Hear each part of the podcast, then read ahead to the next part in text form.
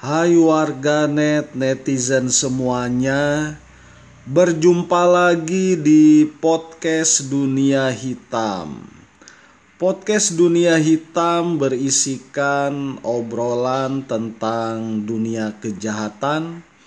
Podcast Dunia Hitam mengajak kepada warganet dan netizen semua tahu dan mengerti tentang dunia kejahatan agar kita bisa terhindar dan selamat dari perilaku jahat orang lain. Di episode podcast Dunia Hitam hari ini kita bakal ngebahas ya. Kita bakal ngobrolin ini soal perilaku masalah gitu ya. Ini nih. Manusia itu ya memang hidupnya itu manusia itu hidupnya itu tidak akan eh, tidak akan pernah selalu nggak ada masalah gitu kan. Pasti namanya manusia namanya orang mah ya selalu aja ada masalah gitu Nah makanya kalau misalkan ini ya kita ini punya masalah gitu Kita jangan ngerasa orang yang yang paling punya masalah di dunia ini gitu kan? Karena setiap orang itu ada masalahnya Ada masalahnya kayak gitu. Kalau ini ya kalau kayak e, istilahnya si komeng ya kan? Kalau kata si komeng itu katanya jangankan orang hidup kayak gitu kan. Orang yang mati pun itu kadang kena masalah gitu. Pas lagi udah dikubur ya kan udah enak-enakan istirahat ya kan kena lah dia itu pelebaran jalan kan. Kan kuburannya harus digeser kayak gitu kan. Nah itu masalah juga. Nah itu istilah e, leluconnya komeng gitu kan tapi kalau dipikir-pikir itu memang lelucon itu ada benernya kayak gitu dan memang benar gitu. Siapa sih orang gitu? Orang yang yang tidak punya masalah. Itu pasti kayak gitu. Eh tapi kalau misalkan dilihat ya kan, dilihat kenapa kok kalau memang orang-orang itu punya masalah, kenapa kalau dilihat dari Facebook, Instagram gitu kan? Kenapa semuanya kebahagiaan semua itu? Itu kan? Ya iyalah kalau di Facebook, di Instagram kayak gitu pastikan istilahnya itu eh, menampilkan hal-hal yang menyenangkan dan lagian ngapain ngapain juga masalah atau hal-hal yang tidak mengenakan di diposting di Facebook, di Instagram. Apakah dengan diposting di Facebook, di Instagram itu masalah akan selesai? Atau apakah langsung ada bala bantuan datang gitu kan? Untuk memecahkan masalah yang kita hadapi kan enggak juga kayak gitu dan memang kan eh, ajaran dari para orang tua leluhur kita gitu kan. Dan memang kita itu tidak boleh mengumbar-umbar masalah itu ndak boleh. Kayak gitu. Ada masalah itu yang hanya harus diketahui oleh diri sendiri gitu. Ada masalah yang hanya kita aja yang ini yang harus ngemakannya sendiri. Ada masalah kayak gitu ada juga masalah yang hanya harus diketahui oleh oleh keluarga saja gitu. Ada. Ada juga misalkan ya masalah itu yang hanya boleh diketahui oleh sahabat aja. Kalau misalkan sampai masalah itu eh, diketahui sama orang lain yang bukan sahabat kita bisa masalah itu lebih besar gitu kan ada juga masalah itu yang hanya harus diketahui oleh orang kantor yang dalam satu unit saja. Ada. Kalau masalah itu melebar ke yang lain bisa tambah besar lagi. Kayak gitu. Ada juga misalkan masalah yang harus diketahui oleh negaranya saja gitu kan. kayak gitu ndak boleh eh, masalah itu diketahui oleh negara lain kalau masalah itu diketahui oleh negara lain bisa lebih berbahaya lagi. Eh, misalkan bisa eh, apa namanya itu intervensi negara lain atau ngemanfaatin masalah itu untuk dilakukan pencaplokan negara gitu kan. Nah jadi ya intinya kalau kita eh, punya masalah intinya itu jangan ngerasa orang yang paling punya masalah di dunia ini. Karena semua orang semua orang itu punya masalah. Orang manusia masuk ke dunia itu kan karena sebuah masalah. Karena sebuah masalah. Tuh. Manusia diturunkan ke bumi ini, ke dunia ini, itu kan karena masalah. Kayak gitu. Coba aja kalau dulu ya kan. Kalau dulu nenek moyang kita gitu kan. Adam, ya kan? Misalkan nggak ngelanggar aturan, ya kan? Pasti nggak akan kita diturunin di sini, ya kan? Kayak gitu. Nah, berarti kan memang eh, istilahnya ya masalah itu harus harus harus kita terima artinya kita harus berdamai dengan masalah. Kayak gitu. Kita harus berdamai. Kita harus menerima bahwa masalah adalah bagian dari kehidupan kita. Kayak gitu. Ya kan? Nah kalau misalkan ya kan, kalau menurut gua nih ya, kalau menurut gua, kalau misalkan kita tidak ingin, tidak menerima gitu, tidak menerima masalah itu bagian daripada kehidupan kita, kita bakal stres kayak gitu. Tetapi ya kan, biarpun misalkan kita menerima gitu kan masa itu adalah bagian dari hidup kita gitu kan tapi jangan juga cari-cari masalah ya kan jangan juga cari-cari masalah. Terus kalau sudah punya satu masalah itu jangan ditambah lagi. Kalau ditambah lagi itu namanya eh, apa ya cari-cari masalah itu namanya. Kayak gitu. Ah begitupun ah, dalam psikologi kan. Dalam psikologi itu uh, dalam psikologi kriminal gitu kan. Nah ini ada juga nih orang yang suka mencari-cari masalah gitu kan.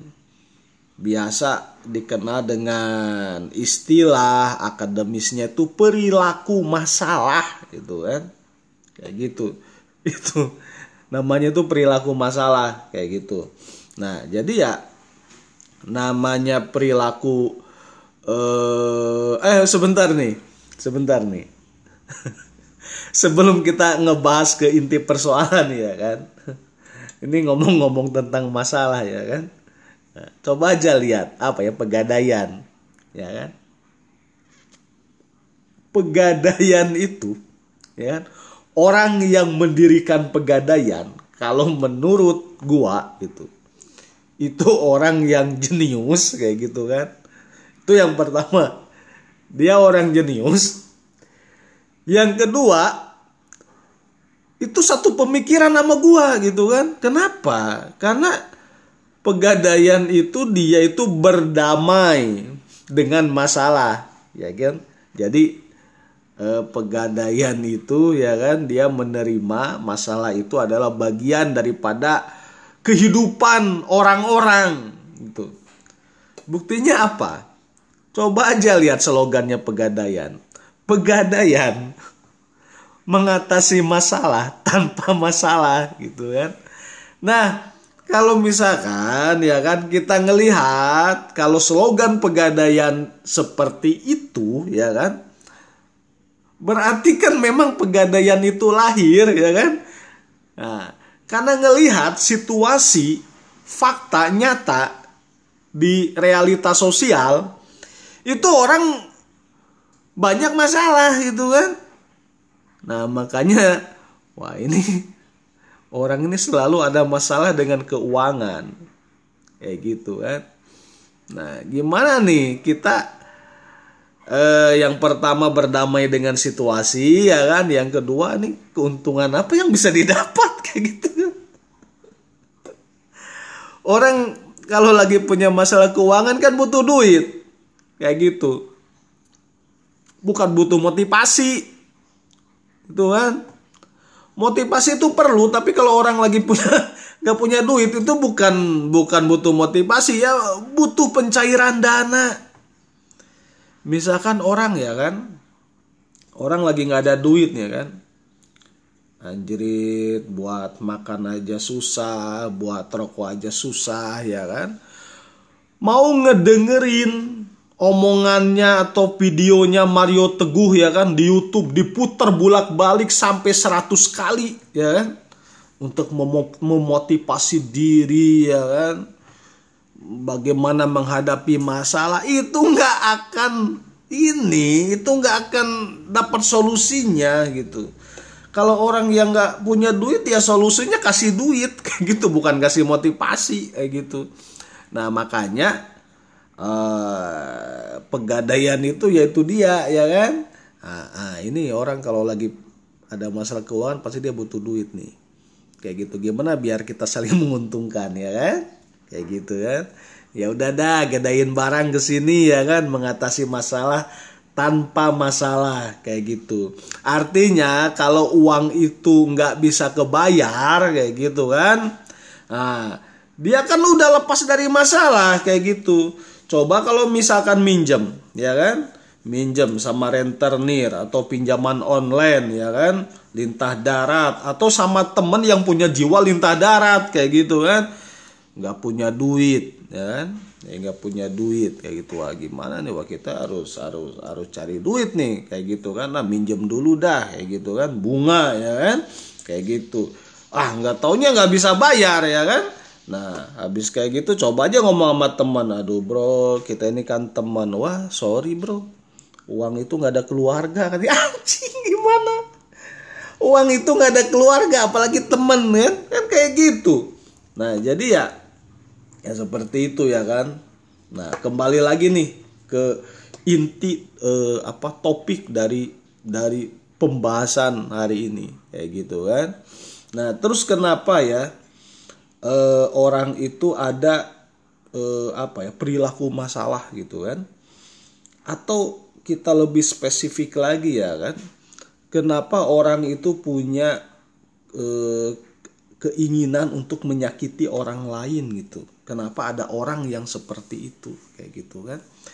Perasaan mah kita mah pinginnya hidup itu lempeng aja ya kan e, perasaannya kalau kita nih kalau kerja itu ya pinginnya itu ya udah fokus aja kerja cari duit kayak gitu kan Terus kalau kita misalkan apa namanya itu berteman gitu, pinginnya itu ya kita nih berteman baik aja, tapi kenapa selalu ada yang ganggu, misalnya kayak gitu. Ya itu pun kita harus menerima kayak gitu kan, harus menerima bahwa di dunia ini ada orang yang berperilaku masalah, ada orang yang e, berjiwa predator, kayak gitu kan. Jadi orang yang berjiwa inginnya nyakitin orang lain kayak gitu kan. Nah itu kenapa seperti itu kayak gitu kan. Nah itu ada ini ada apa namanya itu kalau menurut ahli ya kan. Kalau gua sih apa ya percaya dengan dengan apa yang dikatakan oleh ahli kayak gitu. Karena ya namanya sebuah teori kan? Itu kan eh, teori itu bukan hayalan kayak gitu. Namanya teori itu bukan terlahir dari hasil perenungan gitu kan? Teori itu bukan e, berasal dari e, hasil ngelamun gitu bukan. Tapi yang namanya teori itu kan didasarkan kepada penelitian gitu didasarkan kepada pengalaman ya kan yang memang real yang terjadi terus itu diangkat ya kan Eh, ke ke dalam penelitian. Jadi ya gua gua itu percaya sama yang namanya teori ya kan kayak gitu. Nah katanya ya kan kata ahli itu orang itu bisa mempunyai jiwa berperilaku masalah atau berperilaku predator ya kan? Itu ada beberapa faktor kayak gitu. Nah ada faktor namanya faktor keluarga. Bagaimana dia itu eh, apa ya namanya itu diperlakukan dalam keluarganya seperti apa. Kalau dia sering mendapatkan perlakuan kasar dia disakiti segala macam ya kan? Nah itu jiwa predatornya akan muncul kayak gitu. Nah terus apakah bisa misalkan eh, apa keluarga itu bisa menyakitin seseorang kayak gitu? Pada umumnya pada umumnya itu keluarga itu tempat yang paling nyaman yang paling aman tempat yang penuh dengan kasih sayang kayak gitu. Tapi ada beberapa kasus ya kan? Ada beberapa kasus Misalkan seorang e, ibu membunuh anaknya, ada seorang ayah kandung memperkosa anaknya, kayak gitu kan. Ada adik yang ngebunuh kakaknya, kakak yang ngebunuh adiknya. Itu dalam beberapa kasus itu ada kejadian seperti itu, kayak gitu. Dan itu memang faktanya, kayak gitu ya kan. Jadi kalau misalkan eh, orang ya di diperlakukan yang tidak baik dalam sebuah keluarga itu akan berjiwa predator. Kayak gitu. Jadi dia apa namanya itu akan menganggap eh, kekerasan itu eh, seperti ini kekerasan itu hal yang wajar kayak gitu. Karena dia di, diperlakukan seperti itu atau misalkan memang dia mengalami pengalaman dalam circle pertemanannya gitu kan. Dalam lingkungannya dia diperlakukan dengan tidak baik kayak gitu. Nah makanya ya dia berbuat jahat juga. Kan sama aja ya kayak orang pelit kayak gitu. Orang pelit itu punya alasan loh orang pelit itu kayak gitu. Jadi eh, apa namanya itu Dulu itu gue punya kenalan seseorang ya. Pelitnya itu naudubillah itu. Pelitnya naudubillah gitu kan. Kayak gitu. Kayaknya pelitnya itu kalau lepelannya itu lepelan eh, bahil ya kan. Kalau kalau kalau pelit kan biasa, tapi kalau bahil itu udah level ultimate gitu kan. Udah udah inilah, udah levelan pol kayak gitu kan. Jadi dia itu pernah bercerita ke gua ya kan? Ah sekarang mah katanya gua nggak mau uh, mikirin orang lain kayak gitu. Soalnya gua itu dulu itu katanya kan pernah gua nih hidup gua nih susah gitu. Susah banget kayak gitu kan. Pernah satu hari itu uh, ini katanya itu gua nggak ketemu tuh ama ama nasi kayak gitu. Gue minta pinjaman ke teman ya kan? Nggak ada yang ngasih padahal gue tahu mereka punya duitnya.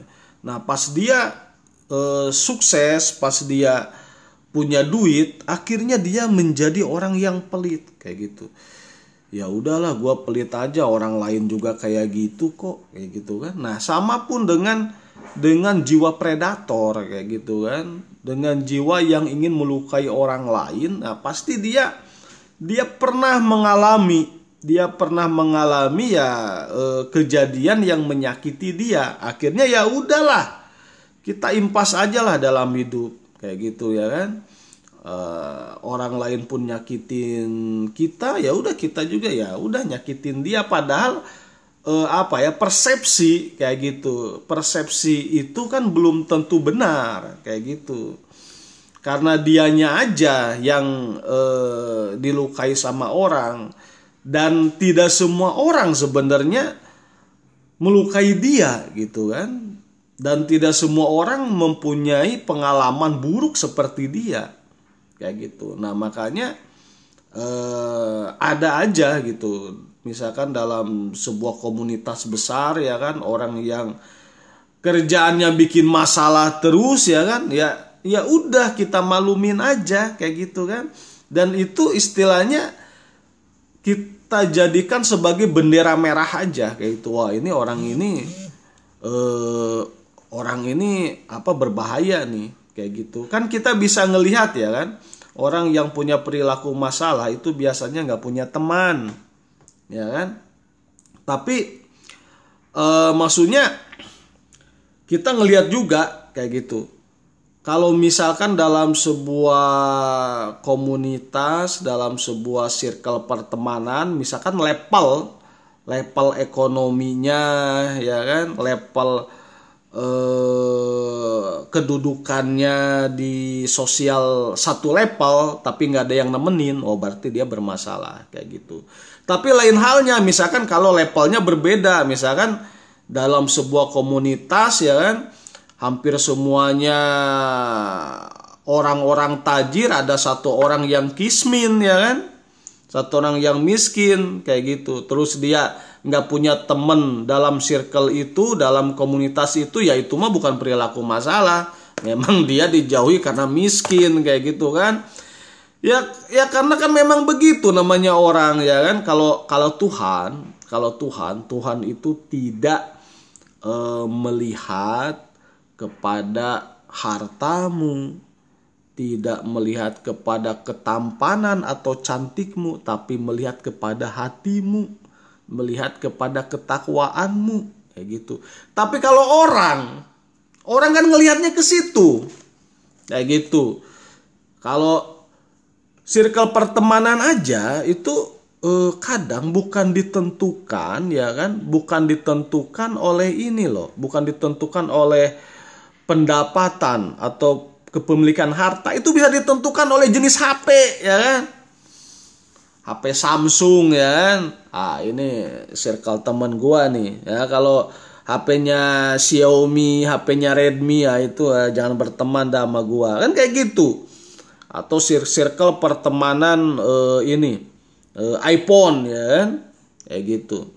Atau dilihat dari tas ya kan ah kalau tasnya Hermesnya Hermes KW ya kan nggak usah temenan dah sama kita ya kan bukan circle kita ya gitu ya kan nah atau misalkan dari baju ya kan? Bajunya branded ya kan? Ya teman-teman kita mah yang pakai kaos Erigo ya kan? Kalau yang yang ini ya kan? Yang merek-mereknya nggak jelas itu ah bukan circle kita bukan bukan teman kita ya kan? Nah itu lain hal itu lain hal gitu. Tapi Maksudnya yang memang ya ciri-ciri dari orang yang punya perilaku masalah itu ya siapa sih orang yang mau ngedeketin masalah? Intinya kan gitu ya kan? Kalau kita lihat nih orang ini banyak masalah nih orang ini ya kan? Bukan banyak masalah kalau maksudnya orang ini sering suka cari masalah. Kalau orang punya punya banyak masalah kan kita kasihan ya kan? Tapi kalau orang yang suka cari masalah wah udahlah nggak usah berteman sama dia. Pusing kita dibikin ya kan? Nah jadi itu dari faktor keluarga ya kan? Terus ya dari dari pengalaman eh, hidupnya ya kan? Nah jadinya ya karena apa namanya itu eh, dia punya pengalaman disakitin ya akhirnya seperti itu. Kayak gitu. Banyak kok eh, dalam beberapa kasus ya kan yang seperti itu ada ada seorang pembunuh berantai ya kan kayak gitu. Nah setelah dilakukan pendekatan psikologis gitu ternyata dalam perjalanan hidupnya dia disiksa sama orang tuanya kayak gitu kan.